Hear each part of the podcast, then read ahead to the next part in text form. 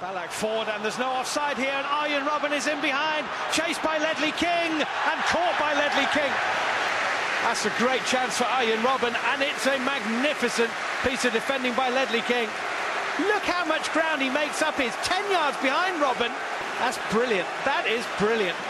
10 yards adrift of one of the quickest players in the Premier League. Hi, this is Ledley King and you're listening to the Ledley Kings Need podcast. Hej och välkomna till Ledley Kings knä säsong 2 avsnitt 38. Säsongens sista vanliga avsnitt får man lov att säga och det tillägnas givetvis Ledley King som igår hyllades på White Hart Lane. Och det var också en entusiastisk hyllning vi gjorde som kanske slår alla andra hyllningar. Eller inte. Nej men det kommer mer senare. Det hoppas jag Kanske verkligen. 26 minuter Ledley Kings eh, nostalgi. Jag ska försöka klocka det. Ja, det, Det kan... det är eh, målet. Ja, då får vi hålla igen två timmars prat om Ja, Ledley King om det ska bli 26 eh, minuter. Vi skiter i det helt enkelt. Vi bara kör. Vi hoppar. Vi- Vi, ja. går över till att prata om Tim Sherwood, en annan Tottenham-legend som har gjort sitt i klubben. Eller? Dags att hämta hem det ännu en gång. För jo, du vet ju hur det slutar varje gång vinden vänder om. Det spelar väl ingen roll, håller du finger långt. Alla de minne får, de är ett minne blått Det här är ingen blå grej som rent spontant blir omtalat på något omslag som Heidi Montage Eller Spencer Pratt, är nog den endaste svenska MC'n som har en känsla för rap Så hey! släng upp en hand om du känner vad som sägs. Är nu en podcast coming your way. Så ge mig femman mannen och bara tryck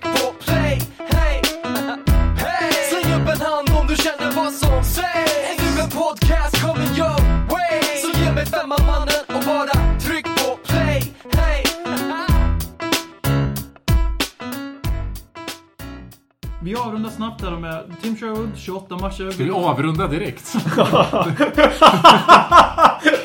Ungefär som jag pratade en kvart. Nej, nej, nej, nej, nej! 15 sekunder är allt han är värd. Ja, Eh, Tim Sherwood, 28 matcher vid rodret, 14 segrar. Det här är alltså alla tävlingar. Alltså en vinstprocent på 50. Inte 59 som han försöker få det till när han pratar om ligaprocenten då. Eh, 10 förluster, 47 gjorda mål, 41 insläppta. Vad ska vi säga om det? Helt okej. Väldigt bra för någon som första jobbet på... Första, ja, första jobb som tränare. första. A-lagsjobbet som tränare. Ja, det eh, tre, fyra år som uh, u tränare ändå. Någon form av erfarenhet och en... eh, ändå erfarenhet att vara en ledare fast inte en tränare. En Absolut. kapten och allt det Han där. har ju varit i klubben sedan 28 där, som du är inne på. Ja men I exakt. Olika roller. I olika roller ändå var där tidigare. Varit kapten i Blackburn och kapten i Tottenham under en sväng och allt det där. Så han, har- han har ju ledaregenskaper. Sen är det ju om han har... Det har han väl inte riktigt, det taktiska kunnandet. Men det är inte alltid du behöver ha det taktiska kunnandet i England Vi som var inne på det lite innan, innan vi tryckte på räck här så var vi lite inne på det att hade han tagit över Tottenham i samma veva som Joll tog över Tottenham när förväntningen inte var riktigt lika uppskruvade, då tror jag inte ens vi hade haft diskussionen då. Om Tim Sherwood, för då hade vi ju varit ganska nöjda allihopa. Sen är ju... Vi, okej, det vid sidan av var väldigt, väldigt profil, profilstarkt när det gällde Tim Sherwood. Han är en profil vid sidan av plan också. Men det kan ju ha varit det här med den här 18 månaders tryout-anställningen han fick med en klausul som kunde brytas nu i maj. Vilket Danny Levy då valde att utöva. Ja, till allas förvåning eller? Ja, Sandro var ju tidigt ute med att annonsera eh, Tims sorti. Sandro är väldigt ut, ut med väldigt mycket som är tidigt nu. Ehm, Vad mer? Ja, han annonserar ju även att Gomes lämnar klubben Exakt, före exakt, ja, så så själv han göra det. Nej men eh, Tim har ju såklart, som jag varit inne på förut, han har inte, har inte misslyckats men han har inte Nej, lyckats. så han, inte. han har gjort det bra för någon som är en obehörig lärare, vilket är, eller obehörig vikarie, vilket är exakt det han är. Han tog sig in till ett jobb som han inte riktigt var kvalificerad för att ha. Och Fick gjorde efter sina egna förutsättningar bra. Jag menar, hade jag liksom hoppat in som lärare för en eh, ja, årskurs 6-klass så hade väl jag gjort sådär, men ut- efter de förutsättningarna... Men jag förstår, jag förstår det kommer liksom, han fick ju en jättemöjlighet, även om det gärna försöker vinklas till nu att han inte fick chansen, så vill jag ju lägga in då en brasklapp där att om man är obehörig, så att säga, om man inte är kvalificerad tränare, man har inte några badges, att då ens få hoppa in som A-lagscoach och få ett 18-månaderskontrakt som nu visar sig vara ett, eh, vad säga, ett, ett uppblåst caretaker-kontrakt som vi alla har trott och spekulerat i. Men att ens få chansen i en topp 6-klubb i England som har växt också de senaste åren i status internationellt och då får chansen, det är liksom hans första tränarjobb på seniornivå. Det är, och då sitta och prata om att han inte fått chansen, det är ju bara, det är ju, det är ju helt förbluffande. Han Nej. fick chansen och han tog den nästan, vill jag säga. jag, jag tycker han tog chansen. För att han nu ändå skaffat sig själv en framtida tränarkarriär. Eh, Fast så- inte i den klubben. Nej, han men det är, ändå, det, är ändå, det är ändå tillräckligt tycker jag för honom som uh, fortsatt manager. Alltså se, ha- när han ska bygga en egen karriär nu så har han ändå tagit en chans att kunna bygga vidare på någonting personligen. Sen tog jag inte chansen för Tottenham, men det hade ju ändå krävts en topp 4-plats. Och det är Även om han 10 försökte det är ändra 10 sig där poäng och säga att till. det inte var så. Ja, det kanske han gör. Och, eh, men det, det är ju fel. Ja. Och det är inte säkert att han har varit kvar ens. Det spekulerade vi tidigare, tidigt i podden när han kom att eh, Kommer han fyra? Det kanske inte ens räcker det heller. Det, det, ja. Det var ju roligt, han sa ju det själv att det är, liksom, det är Champions League som får kicken. Och eh, samtidigt som han nu i veckan sa att eh, om jag får sparken så är det inte på grund av sportsliga anledningar. Nej, så han säger emot enda- sig själv, det, han har ju sagt, sagt emot sig själv väldigt många gånger. Han säger emot sig själv när han snackar om hur van Gaal eh, spekulerade i att ta över hans jobb samtidigt som Tim Sherwood själv eh, spekulerade i om att ta över Baldinis jobb. Så... Men det är, Ja, det är ju den andra delen av Tim Sherwoods eh, era, vill jag och inte det är väl egentligen där han har dräpt sig själv också, för sportsligt som man är inne på. Alltså, han har ju inte misslyckats. Alltså, Och det, då är det, det det han gör utanpå planen som, som där han har dräpt sig själv. Vi var ju var inne på, och vi har pratat om det också förut, att för vi satt där för exakt ett år sedan och ville ha Di Canio. Och som vi sa Vi fick- i, i söndags, vi fick en Di Canio på chack, eller på whisky månader. kanske vi ska säga, så vi kallar Sherwood för fyllebult. Och Tim Sherwood, jag har verkligen lärt mig att älska den här personen. När jag kom, det var personen jag inte riktigt tålde. Och det har verkligen lärt mig att tycka om den här killen. Jag kommer definitivt följa honom vart han än kommer. Men Tim Sherwood, han har varit vår sol den här våren, men precis som solen så den är bäst på avstånd. Tim Sherwood ska avnjutas på avstånd. Alltså, vi ska ju egentligen tacka för underhållningen som jag har sett med Tim Sherwood. Det kan ju ha varit ett uträknat drag av livet. Han visste det skulle bli en jävla vild resa sista fem månaderna av en misslyckad säsong. Ja, det blev ju en jävla resa och det blev en eh, ja, rolig resa på ett sätt. Ja. Om du inte bortser från eh, alla eh, storförluster. Men sen det som Sherwood är, jag, han pratar utan att tänka tror jag. Mm. Alltså, och det är både på gott och ont i allting sådär. K- Kanske mycket på ont, men lite, lite på gott i vissa stunder när man sitter efter en stor förlust och känner att nu kapar spelarna. Man själv sitter i affekt där och då och väntar på en intervju från BBC. Och han går ut och bara kör över spelarna. Där och då Efter upp, 4-0 matchen mot Chelsea. Ja, men då upplever jag i alla fall, det gör ju inte alla människor, och det kanske är, det är, jag säger inte heller att det är den rätta vägen att bemöta en eh, storförlust mot Chelsea borta och kritisera spelarna. Men där och då så upplevde, man, upplevde jag det som underbart. Där och då behövdes det. det absolut, för det var, inte, det var ju fortfarande tidigt i hans eh, anställning. Och det var efter ett gäng med AVB. Vi hade haft några överkörningar under AVB också. Med samma spelartrupp som då visade sig vara ett spelartruppproblem. Och då var det dags, då var det, då var det dags att ta fram sågen. För AVB hade inte gjort det. Han gjorde, valde ju den motsatta vägen där med Weezos istället. Sen, sen, Och sen började Sherwood sätta i system att skylla på alla förutom sig själv. Något han har lärt sig från Harry Redknapp. Och han har också fått väldigt mycket annat från Harry Redknapp tycker jag. När man ser i hans, hans fotbollsfilosofi verkar vara att om man anfaller med mycket spelare så är det att, så är man en offensiv coach. Om man försvarar med få spelare så är man också en offensiv coach. Däremot det här med att man kan faktiskt behöva balansera det lite och anpassa sig efter motståndet ibland. Det tycker jag att han... Det visade ju då att det var hans första tränarjobb om man säger så. ja. Och sen så tror jag inte, tyvärr, jag tror inte det är så genuint. Det här han gjorde i sista matchen nu var väldigt uppfriskande när han bjöd in det där fansen som i flera veckor suttit och sagt jag kan fan göra ett bättre jobb än dig Tim. Och så sa han, "Men bevisa det då. Men sen efter matchen säger han, nej han är engelsman. Då direkt blir den här agendan igen han Ja. har haft. sen säger han det med ett garv också. Ja, ja, givetvis. Så det, och sen finns det alltid en viss gnutta av uh, bitterhet i kommentarerna Mm. tror jag också. Det är inte så att han 100% skämtar, men det är klart det finns bitterhet i det. Men det är också det, hade han gjort det tror ni att om han hade haft garanterat haft jobbet kvar, tagit ner fansen och satt det på bänken? För det, det blir lite clownbeteende också. När man tar ner en supporter eh, Han sådär på visste att det var sista matchen. Det tror jag också att det, det var... Ja, jag, jag står ett, bakom si- det ett, han gjorde. ett Jag sista det var flörteri. kul, men- Det var kul, men det var inte professionellt som jag ser det faktiskt. Och det, det där beskriver Tim Sherwood så jävla bra enligt mig. Det gör det verkligen. Men nu hoppas vi att vi får följa honom i ett annat engelskt lag. Kanske till och med i en division lägre så vi inte behöver ha honom som rival. Ja. Nej, det vill vi inte ha. Vi vill ju inte tappa sex poäng. Nej, men det, var, ju- det tog ju väl bara några minuter. det var före han fått sparken. Var det före han fått sparken, fått sparken som det läckte ut att han hade varit på Brightons träningsanläggning var det va? Gått Ja, runt där på Det var jag läst på Twitter och det, det är Twitter som... grusvägarna. Han kommer, om man kommer till Brighton får vi gratulera. Han kommer till en väldigt fin stad i alla fall. Ja. Och en klubb i hans...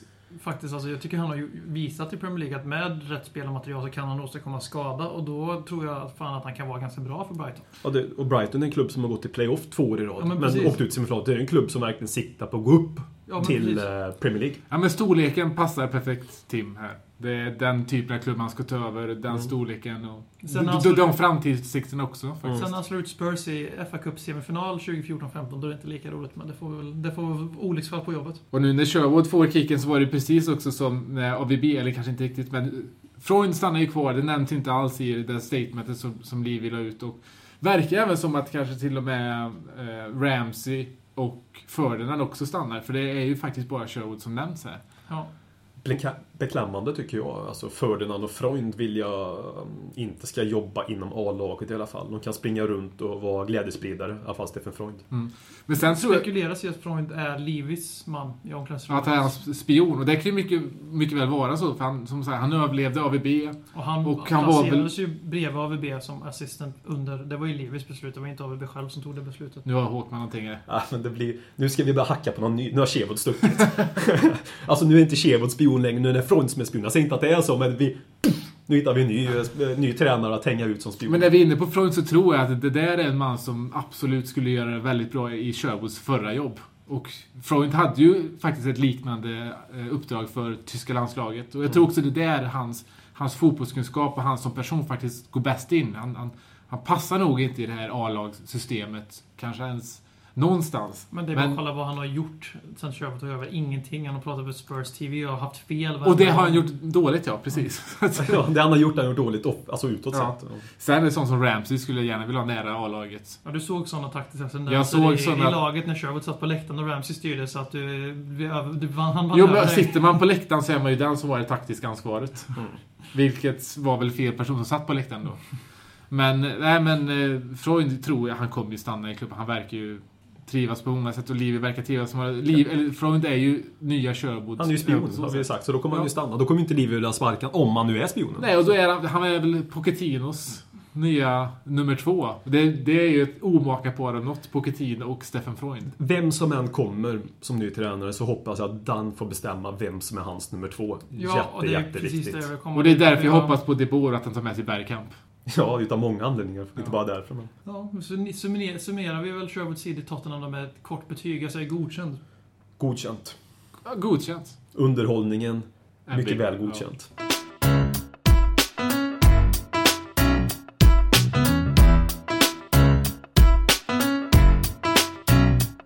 Och så är det slutet på säsongen. Som sig bör så har Ledley Kings med sin egna lilla prisutdelning. Vi har haft en utdelning tidigare år, det var What the Fuck Award. Som då gick till den största försvarstabben som vi tyckte symboliserade Tottenham den här säsongen. Men precis som i fjol så har vi alltså den här hybrisskalan som vi har valt att kalla den. Vi har några kategorier som ni kanske inte är vana att se annars och som ni förmodligen inte kommer att se någon annanstans heller. Men vi börjar väl med BMs Tack. kategori som är The Tim Sherwood Award. Följande kriterier för utmärkelsen måste uppnås. Citaten. Det var det här ni hade när ni spelade in. For, fortsätt! Jag tycker att den passade så bra på Sherwood eftersom vi hade den till What the Fuck Award också. Jag kan ta, uh, The Tim Sherwood Award. Följ, Kör på! följande kriterier måste uppnås för att vinna Tim Sherwood Award. Citaten måste, likt Tim Sherwood själv, vara 1. Jävligt korkad. 2. Samtidigt lämna en liten lucka för Die Hard att nitiskt försvara uttalet, uttalandet. Samt 3. Formulera uttalandet på ett sätt som din, lokal, din lokala drinking buddy gör på krogen klockan 02.30. Alltså utanför krogen i Sverige på trottoarkanten. Det ska det bli andning på. Och det sista. Upphovsmannen bakom citatet, eller kvinnan, måste även sakna självinsikt. De nominerade är, för detta första år av Tim Sherwood Award, 1. Sandro Ranieri med sitt uttalande “Tim won't be here next season”. Avdelning Profet. Brassen berättar alltså för världen fem dagar före Sherwood fått gå att han har fått gå. Nominerad nummer två, Tim Sherwood. Med sitt uttalande “Much of a muchness, even I don't know my best eleven”. Avdelning “Var det då Tim Sherwoods jobb?” 3. Tim Sherwood. My record speaks for itself. Avdelning Fem dagar senare fick Tim Sherwood gå. Ja, Tim, ditt eh, record speaks for itself. Spoke. Eller spoke for itself. Men Lärare, engelsk, engelsk lärare. engelsklärare, Alexander BM. Alltså även fel lärare med fritt. Och nominerad nummer fyra. André Vias Boas. Visas, Visas, We are everybody at the club. Avdelning två veckor senare lämnade portugisen klubben. eller fick sparken. Det är väldigt oklart i skrivande stund. Emanuel Adebayor med No matter where he goes, I will always keep him in my heart. Avdelning helomvändning. Och vinnaren är... Emanuel Adebayor. ja, dålig timing på det. Men grattis till Emanuel Albayor. Det var den sämsta timingen. Oj, oj, oj. Grattis Emanuel! Woo! Välförtjänt. Ja. Det, jag vill ha, har ni några bubblare? Det finns ju en del. Jag vill även säga... Ja, men jag, min favorit i det här var ju när Tim Sherwood drog upp Nabil Bentaleb som Fransk landslagsman heter fransk och engelsk landslagsman i framtiden. Och kanske Al Algeriets VM-trupp då, som han faktiskt kom med i. Ja, 30-mannatruppen i alla fall. Ja, det är stort. Hans tröja går att köpa på Unisport Store. N nummer 42, Bentaleb, Algeriet. Gör det? Ja, du kan välja själv nämligen vad du ska trycka. Nästa kategori. Vi bara, vi vill bara ett till. Bubblaren är ju Moussa Dembele då, som skyller på planens storlek anledningen att Tottenham hade svårt att göra mål i början av säsongen. Vilket jag tyckte var, var nära att bli nominerad helt enkelt. Har du någon Håkman? Jag, jag tänker bara slip up, det med Gerard. Men det har ingenting med Tottenham att göra. Jag tycker den är... Ja, Ja. den är den är också... Jag kommer inte på någon med Tottenham alltså. Därför jag... Den är rolig om inte annat. Vi tar ett pris som var med redan förra året då. Årets orgasm. Där helt enkelt kriterien är att någonting man får orgasm av när det händer på plan eller vid sidan av plan. Vi ska försöka nominera det snabbt då. Gylfi Sigurdssons rackabajsare mot Hull i ligacupen. Måste bara säga att det där var det snyggaste målet i år. Ja, I nästan alla kategorier. Alltså Tottenham visserligen, men det var inte i Premier League, men det var det målet. är Så han, Om han vänder det. på en femöring, bollen på, på ett tillslag vänder med bollen, gör en 360-vändning och så drar han till rakt upp i... Alltså det, ja, det är så jävla snyggt. mycket, mycket Så snyggare att jag tittade än, på det eh, förut, jag och Per tillsammans. Jag, Ja, vi fick lite orgasm där ihop. Inte för att avslöja vart det här priset kommer gå, men vi fick orgasm i alla fall. Och sen nominerad nummer två, Paulinhos klack på stopptid mot Cardiff. På den tiden då vi fortfarande trodde på den här säsongen och projektet. Och att As- äh, Lamela var den som stod för assisten är ju, gör ju det här speciellt i sig. För det är Rasisten? Något av, assisten. Okej. Något av ett samlarobjekt när Erik Lamela spelar Premier League-fotboll för Tottenham Hotspur nämligen. Och sen på tal om Marcus Håkmans eh, kommentar... Eller Som uttalande, gillar att spoila i den här podden. Så har vi också nominerat Steven Gerrards slip-up mot eh, Chelsea som årets orgasm. Och vinnaren är... Vem, är- vem är det? Vad är det? Ja, vi är ju hipster så vi valde Paulinhos klack. Ja, Eftersom vi stod uppe i Håkmans ja lägenhet det och brålade var av faktiskt en, en väldigt fin stund för oss. För vi stod där och det blev en liten kramhög. Det var fint. Väldigt fint. Det så, så, man trodde fortfarande på det då. En av få kramhögar denna säsongen. Kanske den enda Jag vill även tillägga att. Håkman slog ut med armarna och såg inte alls nöjd ut med vem som hade vunnit det här priset. Vill du... Nej, det var mer att jag spoilade. Visste inte om att jag hade spoilat. Det var det jag slog ut armarna. Sure, sure. Vi gör ju mycket i den här podden utan din vetskap, ska Men, folk veta. eh, Det är helt På okej. tal om Håkman och spoilers, det är dags för Håkman att eh, leverera sitt pris. Yes. Du har ordet. Förra året hade vi årets frisyr. Om jag vill minnas rätt. Eh, Så jag döpte om det här lite grann till Ginolas arvtagare. Och jag har inga nominerade, utan jag går direkt på vem som har vunnit detta pris. Jag kan bara säga att jag gick in och kollade på laget, kollade vem som hade den bästa manen i laget. Det finns ju inga manar längre i Tottenham. Det finns ingen Paul Walsh, det finns ingen Ginola som kan ha ett eh, ja, fint långt hår så att säga. Vem ska man då vända sig åt? Jag gick ner och kollade på ett annat Tottenham-lag och priset går till Shannon Maloney. Shannon Maloney. I damlaget. Spurs Ladies. Eh, Som klart vet jag rätt mycket om Shannon Maloney redan. Jag har ju inte kollat någon eh, bakgrundsinformation alls. En riktig Tottenham-supporter behöver inte göra det naturligtvis. Nej, nej, nej. Eh, Hon är ju en box-to-box-player. Gör det väldigt, väldigt bra, måste jag säga. De matcherna jag sett med henne. Jobbar jättebra. Hon- Trots, henne, trots hennes enbart 160 centimeter. Så bara ja. 160 centimeter trots sin längd så vinner hon ju mycket närkamp. För hon är ju ja, hon är stark i kroppen. Bra på bänkpress och bra på frivändningar vad jag har förstått. Så... Ja, det är en fantastiskt, fantastiskt bra tjej. Och eh, ja, det jag sitter och babblar om här så är det ju naturligtvis inga nyheter från utan det känner ju folk till att Jajamän. det är hon håller på med det. Så naturligtvis går till priset till hennes för hennes fantastiska hår. Som är i närheten av att på, ligga på Ginola-klass. Och det säger inte lite eller? Ja, hon är 5% på Ginola-klass. Men det är gott nog. Så priset som årets Ginolas arvtagare går alltså till Shannon Maloney. Grattis! Grattis Shannon. Riktigt, riktigt kul att få lära känna dig lite bättre nu med det här. Och vi kanske ska följa Spurs Ladies lite bättre nästa Det säsong. gör vi väl? Det gör vi redan. Som jag redan sa. Mycket Det- välförtjänt. Ja. Ska vi gå över till eh, Ledley Kings knäs hederspris då, före vi går över till den riktigt stora, Ja, det stö- riktigt största stora priset. Det enda väldigt seriösa priset också. Ja. Good Guy Award. Men vi tar hederspriset först. Och där, igen, ingen nominerad, utan vi går rakt på sak och ger priset till den före detta sociala mediesnubben på Spurs Official. Som under säsongens sista vecka både lyckades publicera en wine med Gerard slip-up i, i väldigt hånande termer. Han kanske tyckte att det var årets orgasm istället. Ja, förmodligen. Förmodligen. Och eh, sen även den icke så kryptiska SACME-URLen, t- fyra eller tre dagar före Tim Sherwood fick lämna jobbet. Alltså, det var väl förmodligen för att lugna den väldigt manstarka Sherwood Out-brigaden då. Och vi får ju ändå säga att den här killen, den här martyren, gjorde en insats den här veckan för att lyfta the spirit hos oss Spurs-supportrar.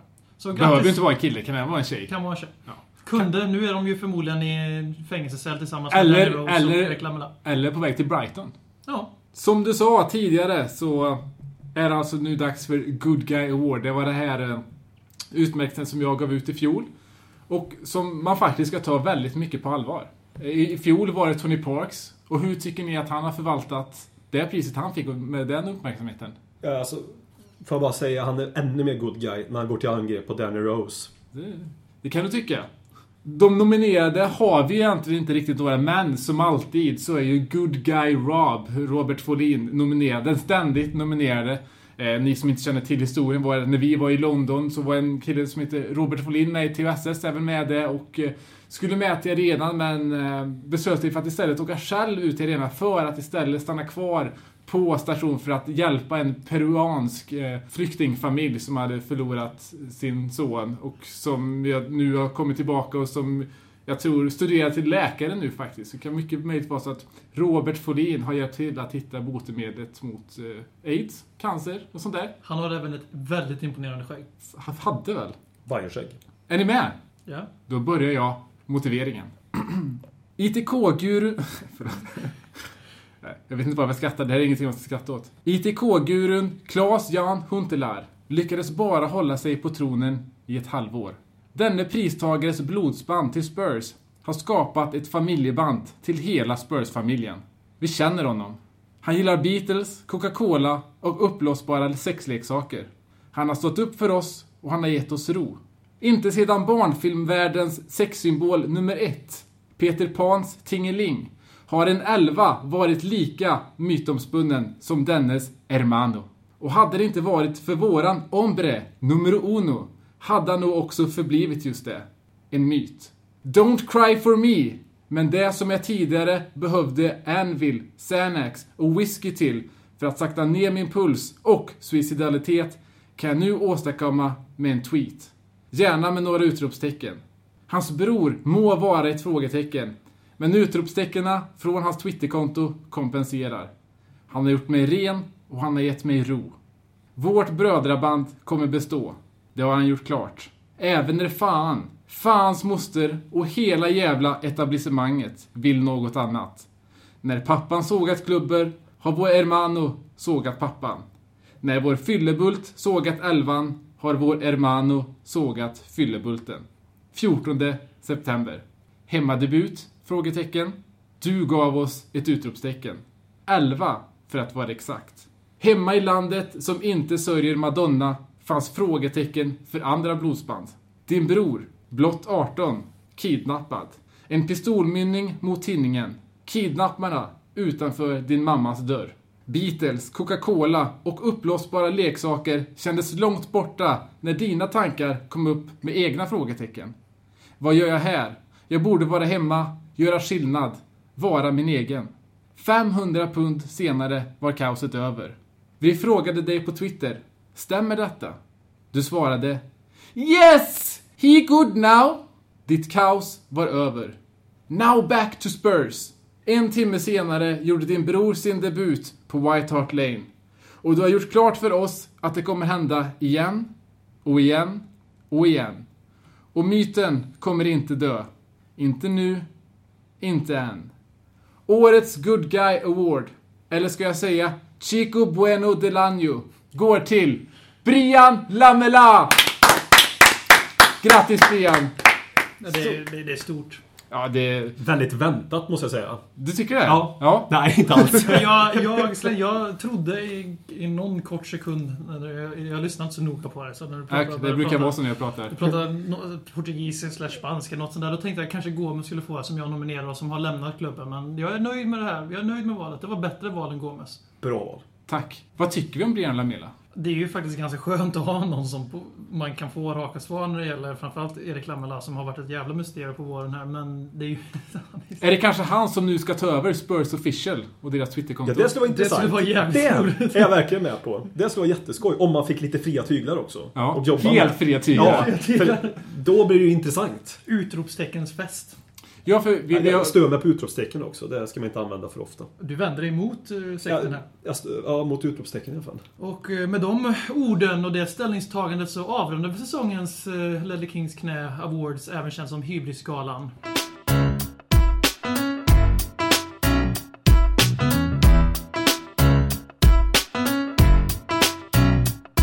Igår kväll så klev Ledley King ut på Hart Lane gräsmatta en sista gång, kanske. Förhoppningsvis kommer han tillbaka som tränare någon dag, hoppas jag i alla fall.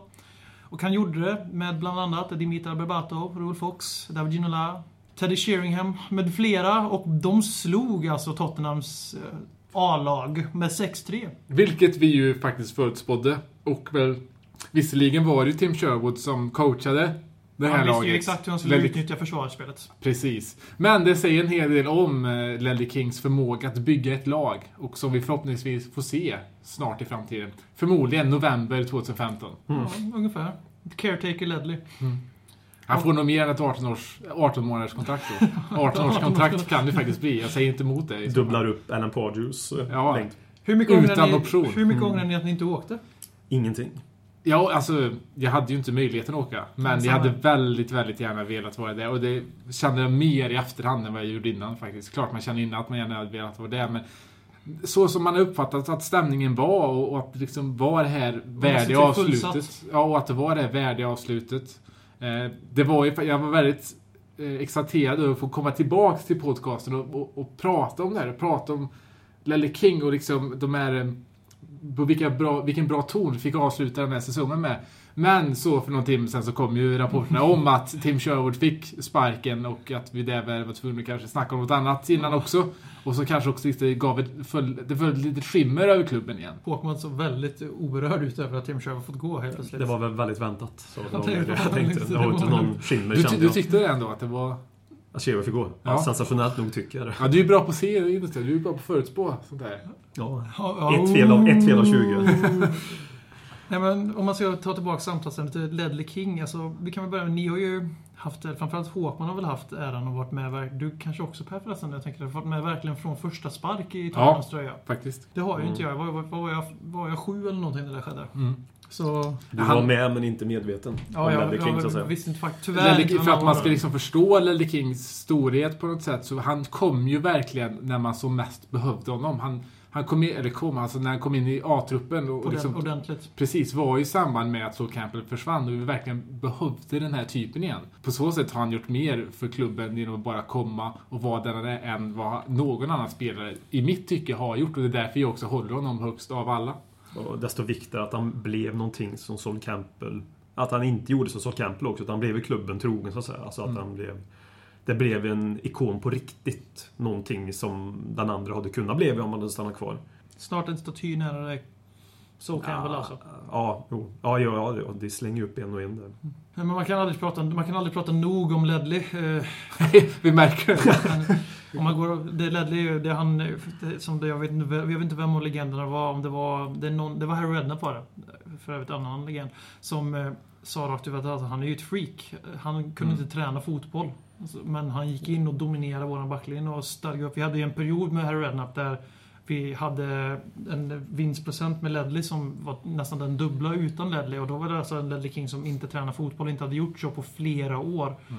Och ändå var på den nivån att det leder ju framförallt till uppskattande storhet. Det här var ju landslagsmässig back för England som ändå får rankas vara ett ganska eh, duktigt fotbollslandslag på Ledleys tid. Han var också en Tottenham eh, true and true på riktigt. Han gick ju genom, gick ju genom stegen så att säga. Lagkapten, fick lyfta en tid tillsammans med Robbie Keane trots att han egentligen var lagkapten. Då så lät han Robbie vara med på det här för att Robbie var ledaren på träningsanläggningen då, eftersom Ledley var i fitnessrummet.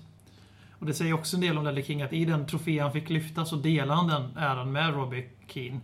Istället för att ta den själv. Det säger det med allt nästan. Det säger ju att han, han känns ju liksom som en väldigt ödmjuk person. En eh, jordnära människa.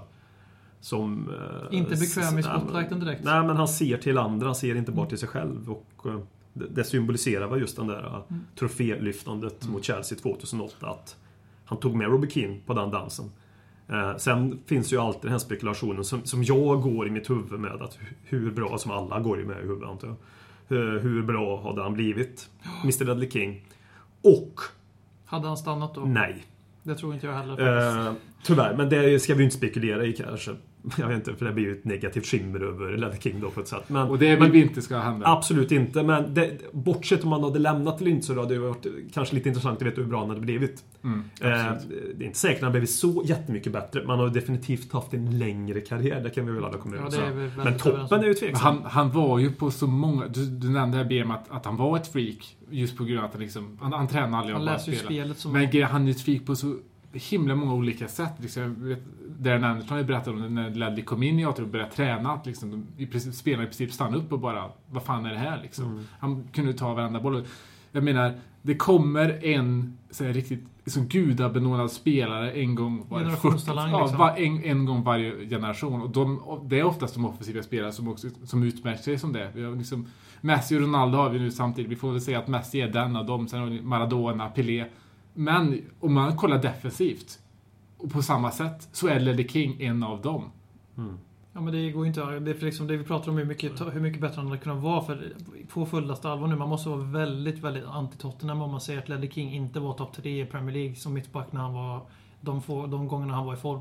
Eller han var alltid i form, men de gångerna han spelade regelbundna matcher. Men jag, skulle, Man måste vara extremt anti-Spurs för att inte se det, eller så har man en väldigt... Eh, men jag, vill sträcka, jag, vill sträcka, jag, vill, jag, jag vill sträcka mig ännu längre. Jag har ju knappt sett en bättre mittback när han var, liksom, när han var i form. Han, han, han hade speeden och han hade fotbollshjärnan. Han hade liksom alla egenskaper. Han hade passningsfoten också. Det var ju många Mm. som egentligen pratade om att Ledley King kanske till och med hade varit bättre som defensiv mittfältare. han experimenterade sig där. Ja, det, visst, jo, men det gjorde han. Han fick ju, han fick ju prova den, eh, den platsen och eh, det vet jag ingenting om han har varit bättre där eller inte om han hade fått fortsatt spela där i 4-5 år. Men som mittback, han var ju briljant. Och det är ju inte bara det som, som att han var som fantastisk fotbollsspelare. Visst, det är ju liksom det absolut viktigaste i ett fotbollslag. Men det är också människan återigen han var. Att han känns som en genuint bra människa. Det är ingen jävla John Terry liksom. eh, Som är raka motsatsen, som också är en bra mittback. Men det är ingen bra människa, känns det som.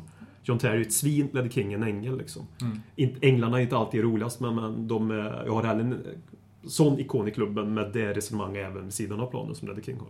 Ja, Ledleys, eh, Ledleys skandalhistoria är ju den här gången när han var väldigt på alkoholpåverkad utanför en nattklubb. Och det Han, var gjo- i en han gjorde en Chiriches. Och det var i en period där han inte hade kunnat spela fotboll för länge sedan, så var mer eller mindre deprimerad då. För att han, det var, började närma sig slutet, förstod han då. Och om vi alla hade ett sånt offentligt liv skulle vi nog alla här Ja, podden det och alla som lyssnar varit med om vi, tio skandaler. Nå, några, några av oss i Som den här podden har även varit med liknande händelser i offentligheten. Under vissa silly season-sändningar. Ja, Så är det. Så, ja, så är det. Ja, du precis. gjorde ja. en Ledley. Jag Nej gjorde men det jag menar alltså, det minsta lilla snedsteg de här gör på den nivån så kommer det ju fram så att säga. Mm. Eh, Och det är väl ändå skönt att även han var Ja, men precis, det var mänsklig, det. så att säga. Precis. Precis. Och det säger ju en del när det är hans värsta skandal vi kan gräva upp. Ja, Ja, precis. Att han är, det, är, det är en perfekt ambassadör av honom, som klubben just den. Han är ju en ambassadör och det är det jag tycker han ska vara just nu i alla fall. En ambassadör. Och vill Ledley King bli tränare så hoppas jag att han vi gör långsamt med honom. Att vi börjar att sätta han i juniorlag eventuellt. Att vi bör, sen kanske tar att han får eh, sitta bakom nummer ett och vara nummer två. Och lära sig. Kanske till och med låta han, det har väl aldrig hänt att man lånar ut managers, men, men du förstår vad jag Låta menar. han jobba någon annanstans. låt han jobba någon Och annanstans. men exakt, eller ja, vilken klubb det nu kan passa. Men att eh, vi inte bara kastar in honom som någon paniklösning som vi har skämtat lite grann om i november 2015 och så blir det... Man vill ju inte se att Ledley King ska falla. Nej, nej. Det är ju... Ja. Sen så på, om man bara tittar på ytan så känns det som att han har egenskapen att bli tränare. För han är uppenbarligen oomtvistlig ledare. Det går ju inte att säga ifrån. Och sen eh, har han ju spelsinne. Och han kan se spelet. Plus att han har den här aspekten som verkar vara relativt viktig då i Premier League fortfarande. Att man måste ha spelat spelet på högsta nivå för att det ska... För att man ska automatiskt få auktoritet och så vidare. Mm. Så det har han ju också. Ja, får han inte auktoritet i ett Eh, Just omklädningsrum i Tottenham var det ett dåligt Nej. för- exempel. Men, Då- det, alltså det, men att det verkar vara en... Jag menar, Adebayor gjorde en poäng och, det, Ja. och så vidare och så vidare. Det är inte han inte den enda heller. Och, Men så han alltså- har ju på papper ser han ju ut att kunna bli en väldigt bra manager. Men det Mm. vet man ju. Alltså det, det är ju absolut ingen garanti. Och sen Det- blir han manager som, som Per var inne på och spelarna som kommer till Tottenham vet ju om att Ledley King är en ikon. Ja. Och även om man kanske inte håller med ikonen som då är Ledley King och allting så går det är inte lika lätt att gå emot en ikon som att gå emot en Tim Sherwood för att du vet att går du emot en Tim Sherwood så kanske offentligheten inte backar Tim Sherwood. Medan går du emot Ledley King Ja, man backar inte spelaren då. Nej. Då får Nej. du se till att ha jävligt rätt i vad du säger i. Exakt. Så, och då får han ju per automatik tror jag mer tid med en spelargrupp. Sen, sen, sen tror jag att han är bra just med den här pedagogiska delen. Det är min känsla. Att han alltså på ett mänskligt sätt, på, på ett raka motsatsen sätt mot Tim Sherwood. Alltså att han eh, kan jobba med individen och få individen att växa. Sen, sen vet jag ju inte hur han är rent taktiskt. Han var ju en smart fotbollsspelare som kunde läsa spelet där ute.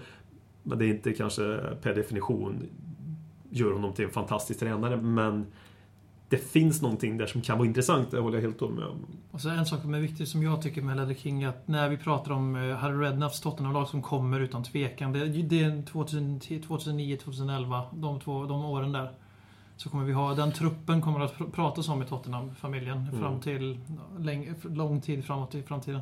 Och då kommer det ju vara Luka Modric, Rafael van der Vaart, Gareth Bale. Men tar man inte med Ledley King i den, i den mixen så då, då, ja, då vet jag inte. Då får man nog läsa på lite för att han var minst lika integral som de tre, om inte viktigare med Ja, tanke på ja, absolut. Ja, du sa ju precis poäng, poängsnittet eh, och det, det, det förstår ju alla. Ja. Det är jag helt hundra på att folk förstår. Så det- Och antal röda jag kort. också- Jag menar, en mittback i Premier League som aldrig drar på sig ett rött. Är, Och det är också så, ja, exakt, och det är också som gör en mittback som honom. Det är nästan bästa egenskapen med honom. Du kunde sätta vilken jävla kon bredvid honom som möjligt. Så blev den konen en blomma liksom. Mm. Det är ungefär som eh, svenska landslagens sväng Lagerbäck. Att han Jakobsson kom in under eh, 2004 fan det var, och var en dominant mittback. Nu jämför jag inte Jakobsson med, med Ledder King, men, men alltså... Ledder King. Dawson blev en landslagsspelare under Mm. mm. Ledder King. Han började göra landskamper när han spelade med Ledder King och var en fantastisk mittback. Och alla var en eh, bra mittback bredvid Ledder King. Och det är ju ett otroligt bra betyg till att ge till Ledder King. Och då måste man också ge en liten, liten eloge till eh, Naibet som Ledder King själv har sagt gav honom samma, samma skolning. Hur man man ledde med samma tysta ledarskap. Mm. Jag har hyllat honom lite. Jag kommer ihåg när vi tog in den där äldre mannen då, som spelade bredvid Ledley en stund. Heja sen- Marocko. Ja. Och sen, ehm, absolut. Sen också någon som kunde ha gått samma utveckling till mötes och som det faktiskt var kul att han fick spela tillsammans med Ledley King i den här testimonien är också Elton Fedwell. Som faktiskt, ja, han kom in samtidigt som Ledley King och förutspåddes ungefär samma framtid. Men han, hans, eh, hans karriär spolierades ju på samma sätt fast i en mycket tidigare ålder. Kul att faktiskt att få se eh, eh, det här e- extremt ödmjuka farvälet som Ledley King fick och som Edgar David sa innanför sa den här matchen ska bli, vad sa han? Cool and brilliant. ja, men det är bara att kolla på testimonial. Det är inga små, det är inga dussinlirare vi hämtar hem till Ledleys lag om man säger så. Alltså, det är ju, och Gareth-. Till och, med, ja, till och med Gareth Bale gick ut på Twitter och twittrade om Spurs för första gången sedan han eh, jagade eh, Pesetas. Han sa att det var en shame att han inte kunde komma. För att han får ju givetvis inte komma när de har eh, Champions League för några om två veckor. Du är inne och snuddar på de andra spelarna. Det liksom, det, vi pratade också lite grann om innan räck. En, en sak som man tittar på när man ser de gamla spelarna, eller man kanske, inte- eller jag tittar på. Vilken fysik är de i här och nu? Mm, ja, Och, och man, man, det är det första jag tänker på. Oj, han har skött om sig. Eller oj, det har gått ner sig. Till att börja med när man såg David Ginola, bilden från tunneln där. att Han ligger ju inte på latsidan. Nej. När det kommer till att lyfta vikter och kanske köra en milsrunda i eh, sandstranden. Eller eh, Sen- en annan spelare var ju också väldigt fin som Teddy Sheringham, som, så fort jag såg honom tänkte jag att den här mannen är vacker. Ja, han är före detta Harry Kane. Men det här var, alltså han... Jag har aldrig sett en människa åldras så bra som Teddy Sheringham. Mm. Han såg ut att vara, ja... runt 30 någonstans. Det var ingen Alltså, större förändring från när han gjorde sin sista match i Premier League. Alltså Nej. hur han såg ut faktiskt. Alltså, Det var ju ingenting som han direkt... Oj, Nej, han precis. Och han, han ska egentligen ha mer cred än Ginola, för Ginola vet man ju bara är sommardeffad. Han plussade till sig lite på vintern så vet han nu kommer beachen. Ja, nu är du ute på väldigt eh, djupt vatten. Ginola har en kroniskt vacker kropp. som han har sk- skapat genom hård träning. De är ju födda på 60-talet, kanske var bra gener på 60-talet. Det var nog det. 66 på Sheringham och 67 på Ginola om jag inte är helt ute och cyklar. Så, Sheringham gjorde ju för övrigt två mål också och hade bud på fler. Och Zaha gjorde tre mål. Och som visar att han kanske är den där anfallaren vi nu faktiskt behöver. Även Adebayor gjorde mål. Det var ju positivt. Och Etienne Capoe gjorde mål i sin eh, första match i Tottenham. Han gjort mål förut. På länge och, Ja, länge och sen. men- På år och dagar. Och det var ju givetvis då när Tim Sherwood tränade motståndarlaget. Att, ja, körde, undrar man körde den här alltså, saluten mot Sherwood när han gjorde mål eh, till Adebayor. Jag, und- jag undrar också liksom, min eh, negativa inställning till Adebayor. Men så undrar jag om han sprang omkring och var lite avundsjuk under matchen. Över hyllningar till Eddie King och... eh, Han tänker nog, när kommer min testimonial? Ja, aldrig tänkt eh, vi då. Så Ja. att, Eh, Jag vet inte. Jag, vad jag har utläst av det så verkar det som att han var ganska... Alltså, som, som alla andra väldigt ödmjuka inför Ledley Kings storhet. Men det vet Jo. man ju inte hur mycket... Alltså utåt sett är han Ja, naturligtvis men men, jag, jag, jag tror nog någonstans i honom, han vill ju gärna vara... Om du, om du sätter... Han, han vill gärna vara i mitten alltid och alla ska titta på honom, beundra honom och applådera allting åt Nu, Adebayor. nu tycker jag vi är väldigt hårda mot Adebayor Då får han Eh, nog lägga om sin karriär om man vill ha den respekten av en klubb. Och då, Vi, vi, målar upp, vi målar upp Adebayor som någon jävla Jack Wilshere här. Ja, Jack Wilshere ännu värre. Ja, ja, ja herregud. Det, det är det jag menar. Nej men... Eh, nog prata om Adebayor kanske där var en tydlig signal till och med. Men, men alltså... Vi ska ju inte avsluta med Adebayor. men det, det, är det, Vi måste den här på en bättre testimonial- avslutning, Den här testimonial ska ju ha det som syfte, även om det är för sent för vissa nu då. Den här testimonial ska ju ha som syfte att de unga killarna som fick göra sina första minuter i Tottenhams A-lag inom lufttecken som man inte syns när man lyssnar på en podcast. Uh, McInoff, McEvoy och... Det roliga med McKeever var att publiken började skrika Bale, Bale, Bale. Det var fint. Och att de ska ju se det här och uppleva det här nästan till fullsatta White Hart Lane dagen efter säsongen är slut. Många, många tycker ju att det var dåligt lagd tid och så vidare. Och ändå få den här uppslutningen är vackert och det ösregnar. Men att de ska ju se det här, de ska uppleva det här och känna Fan, det här vill jag vara med om. Det- Jag vill stanna i Tottenham i 15 år nu. Om 15 år ska de fan stå Bentelö, Bentelö, Bentelö. Bale, Bale. Men det är ju det här det är, det är ju någonting jag känner att det, det är därför vi väljer att lyfta fram Ledley King. Ja. Och det är väldigt kul också att säsongen ändå avslutas med de här två matcherna som vi har Ja. Dels Aston Villa där vi får 3-0 och Europaspel på Uniteds bekostnad. Det är stort! Precis, och sen få avsluta med, med den här Ledley Kings. Precis som du sa, har ju ett väldigt eh, sentimentalt värde på många sätt. Och, och som har uppskattats väldigt mycket så att de här matchprogrammen går inte att få tag på längre. Att de här matchprogrammen, de som faktiskt fick tag på de här matchprogrammen, förmodligen några svenskar så kanske de har lyssnat på den här podcasten. Eh, det är matchprogram som, som går upp väldigt mycket värde nu, som redan man får ge en, uppemot en tusenlapp för att få tag på. Och Så det det- kommer inte sälja någon DVD om matchen verkar det som. Och de streamade inte matcherna utan det, det här var liksom en, en gåva för de som var på plats. På ett sätt, jag vet att man har ju följt Twitter-tugget om det. Jag ändrar mig nu steget. Jag tyckte också från början att fan, det där borde de ju kunna liksom sätta ut en webbkamera och sända. Men det är ändå vackert på något sätt att de Ja. bara låter de som har köpt biljetten vara där och se det. Och ja, Ja, mörk, det- mörklägger det- för det alla. precis- Jag tycker att det var ett bra beslut nu helt enkelt. Bra liv var- alltså. Vad sa du? Bra av liv alltså. Det var väl inte hans beslut om det var bra? Det var Spurs officials, deras beslut. Ja, Brian, Brian Lamelas beslut. Ledley Kings beslut. Talkman show, Talkman show, Talkman, Talkman, Talkman show.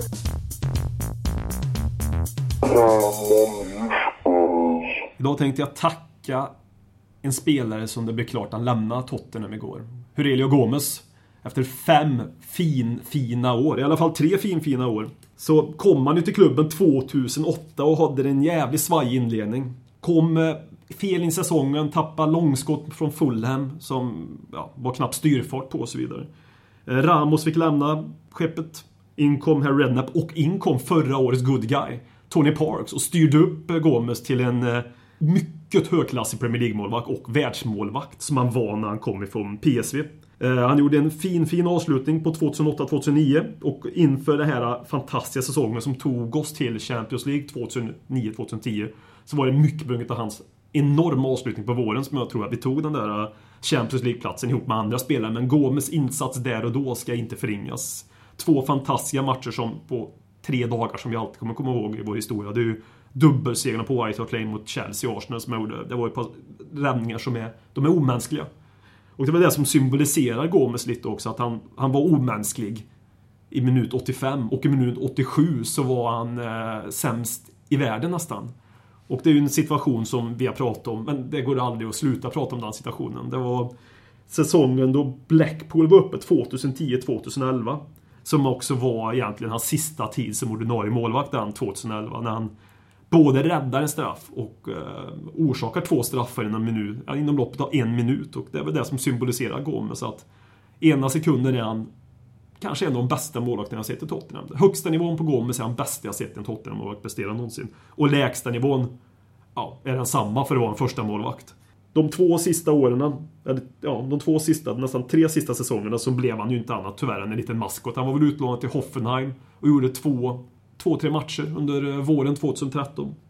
Och nu sista året så eh, ja, satt han väl mest av tiden och mådde bra med sina brasilianska kompisar. Men aldrig hört någon gnäll från honom. Man har bara hört en önskan att få, att få gå till en brasiliansk klubb eventuellt, men inte gnällt.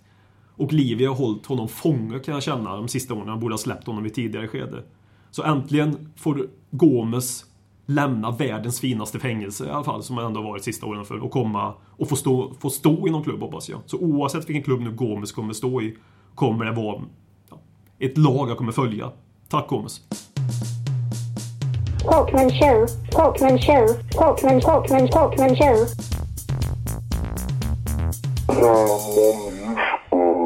Då är vi framme vid säsongens sista frågestund. Vad känner vi om det? Sorgligt känner jag, eh, men eh, vi kommer ju tillbaka, som tur är. Snart igen. Ja, väldigt, absolut. väldigt snart. Vi ska, gå, vi ska gå in på det alldeles strax. Eh, Men vi börjar med en för evigt nominerad Good Guy Rob, Robert Folin, som har skrivit Håller ni med mig om att det blivit tråkigare att följa Spurs på grund av splittringar mellan supportrarna? Absolut. Har, ända sedan Harry Redknapp sista vår som jag upptäckte, ända sedan jag blev medlem på sociala medier, det har varit, ett, alltså det har varit tråkigt. Ja, men när, det går, när ett stöttat fotbollslag går över till att ha rätt eller fel, har man missat hela grejen med att stötta någonting. Men det är ju bara om du följer det på Twitter. Ja, men det är ganska svårt att avfölja alla människor som hejar på Tottenham. Jag håller inte riktigt med. Alltså, eh, den här lilla, vad ska man kalla det för? Polariseringen av Spurs-fans var väl ganska tydlig ungefär då när AVB fick sparken. Och då kände jag samma sak. För jag kände dels att säsongen har skjutits i sank nu. Vi kommer sluta typ 10. Vi kommer gå miste om Europaplats för första gången på många år och hela projektet är dött och allt det här. Men i takt med att, som jag sa förut, Tim Sherwood har blivit vår sol under våren och nu är det ju faktiskt så att Livi i sin utnämning, han kan inte misslyckas i vem han än tar nu. Det, är liksom, det ska mycket till för att han ska misslyckas. Det är, han måste välja David Moyes för att misslyckas med det. Så jag har en väldigt stark framtidstro på Spurs. Det känns som att vi har en tydlig röd linje ändå, som klubb. Och jag har väl snarare kanske väldigt att fokusera på det och jag känner att de, den polariseringen som varit bland Tottenham-supportrarna inte alls har varit speciellt framträdande på sistone utan det mer handlar faktiskt om att det börjar bli en gemensam framtidstro igen. Som förståeligt inte fanns för, för några månader sedan. En sak som många bryr sig om kommer alltid finnas många, många olika åsikter och många som tror att de har rätt och många som är experter. Och Precis. säkert många som är experter och många som har rätt. Så jag menar, ja, Tottenham berör helt enkelt. Och det är ju bra. Ja. Se om det berör mer än för detta managern den här säsongen som kommer. Lars Corneliusson frågar också på Twitter Hur skulle Ledley Kings knä utvärdera Franco Baldinis år i Spurs? Och följdfrågan blir om vi behöver en technical director eller DOF. Och för att vara inne lite på det som jag sa med Robert Folin om att vi faktiskt har en tydlig röd linje så verkar det nu ändå som att det här är en struktur som vi faktiskt tror på. Med det sagt så får väl Baldini sparken om ett par timmar. Men jag tror, som sagt, jag, har en väldigt stark framtidstro på Spurs. Jag tror att vi är någonting väldigt vackert på spåren och vi har den här röda linjen som faktiskt är ganska... Den, den tas inte upp alltid i Spurs-sammanhang, men det fin, den finns där och jag tror Franco Baldinis framtid finns även i Spurs. Ja, det, det är ju helt rätt att jobba med den linjen som vi har bestämt oss för att göra med sportchef och uh, tränare och inte manager. För det är alldeles för stor börda att vara manager tror jag nu för tiden. Ehm, med allt det innebär att ha fyra heltidsjobb sammanlagt. Ehm, ja, men det viktigaste är att låta Baldini få vara Baldini. Och inte så att det blir två sportchefer i Livi och Baldini. Men hur skulle du recensera hans första år? Eh, jag, jag tror inte han har... Jag vet, jag vet inte, för jag är osäker på hur mycket han fått vara sportchef. Alltså fullt ut så att säga. Så det ryktades ju om att han, det ju om att han eh, Lamela och är väl han köpt, det vet vi väl. Det är väl hans spelare. Och det går inte att säga så mycket om det än. Eh, nej, han har inte fått spela. Alltså, Men han, men han tog ju hit också Brian Lamela. Så på det så sätt. Ja, Baldini precis. in. Ja, men exakt. Men jag, jag, jag, jag vill ha kvar Baldini. Absolut inte det jag säger. Alltså, jag tror på sportchef, men det gäller också att han... Och det kanske han får vara, men jag tror någonstans att han inte får vara sportchef fullt ut själv. Utan jag tror vi har haft två sportchefer. En i Livio och en i Baldini. Det är ju som så att eh, jag har svårt att se att eh, i början där när eh, Sherwood kom in så var det väldigt mycket rapporter om att och sen så sa ju Sherwood rakt ut att han ville ha Baldinis jobb mer eller mindre för att stanna kvar i klubben om han inte fick vara tränare. Så den sprickan eh, var ju nog genuin. Och det var knappast Baldinis val att eh, Tim Sherwood blev manager. Och där och då började man säga men vad fan den livet allvarligt talat. Du har en sportchef som inte får vara med och bestämma manager. Eh, tränare. Men eh, nu verkar det som att eftersom Tim går och det har ryktats lite i ITK-kretsarna som ibland har rätt att han blir kvar, Baldini. Så var då Baldini var med och utse tränare för första gången. För glöm inte bort att AVB var redan på plats. Han och Baldini hade inte jobbat ihop. Nu kommer det in någon som Baldini förhoppningsvis är med och rekryterar. Jag har mycket svårt att se den här, våra nyförvärv göra, eh, det kommer låta hårt men en sämre säsong. Vissa av dem kommer givetvis göra det. Alla kommer inte ta ett steg. Vissa av dem kommer aldrig ta sitt första steg ens. Men till exempel Erik Lamelanes nästa år kommer ju vara en, som ett nyförvärv. Och det säger jag inte bara för att det är en klyscha utan för att han har verkligen inte spelat så mycket. Tre och en halv Premier League-matcher. Och... eh, Så det är lite tidigt än. Och sen är det klart att om man bara går efter direkta spelinsatser då får vi prata förväntningar och så. Men ett svagt godkänd, men sen det är precis som Håkman är inne på, det beror ju på hur mycket han har fått vara sportchef också. Ville han verkligen säga upp sig när AVB lämnade, eller gjorde han det bara för att eh, i hans kultur så är det så att Får människan kicken då har vi misslyckats ihop och då ska vi båda gå eller så ska ingen gå. Det Men- vet vi ju inte liksom, så det, det är svårt.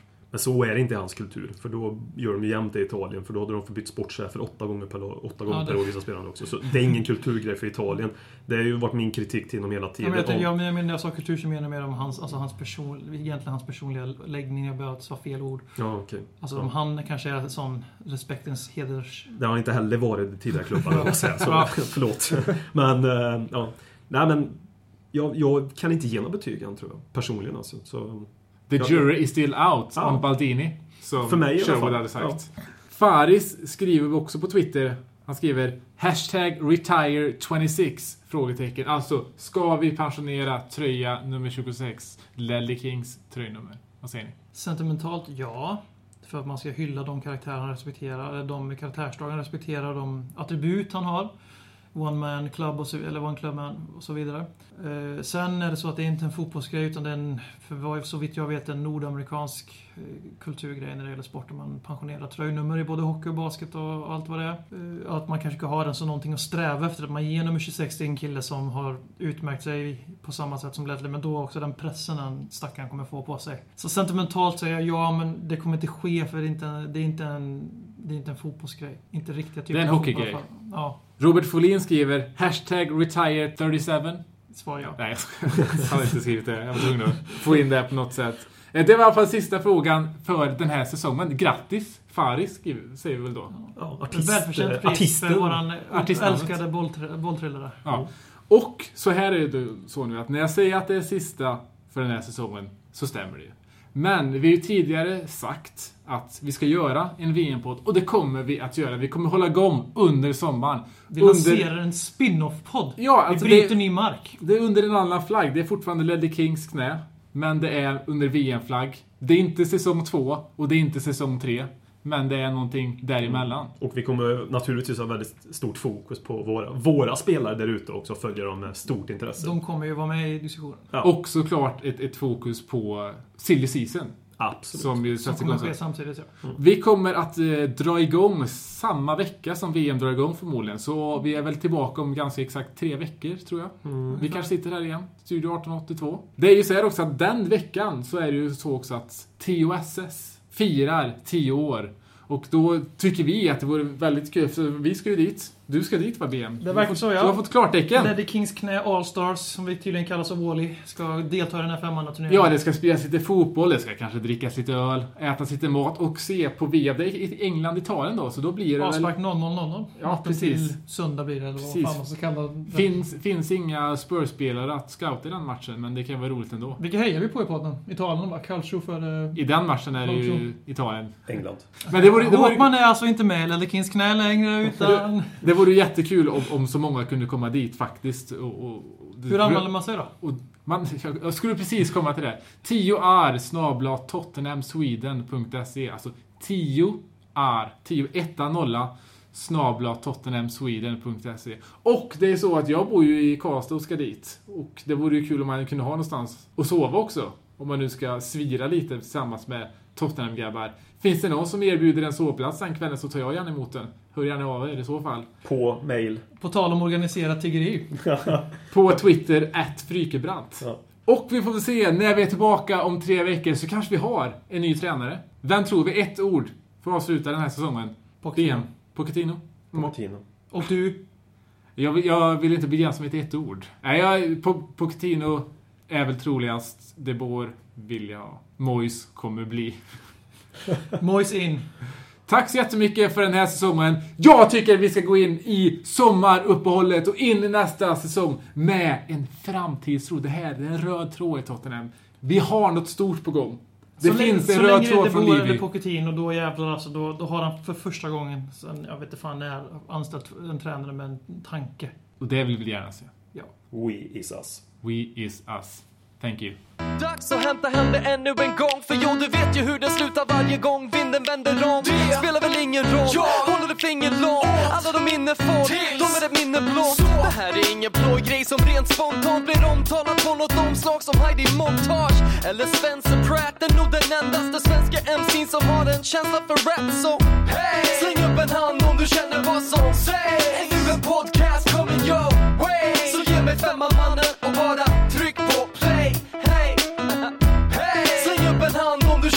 som sägs. Ännu en podcast coming your way. Så ge mig femman mannen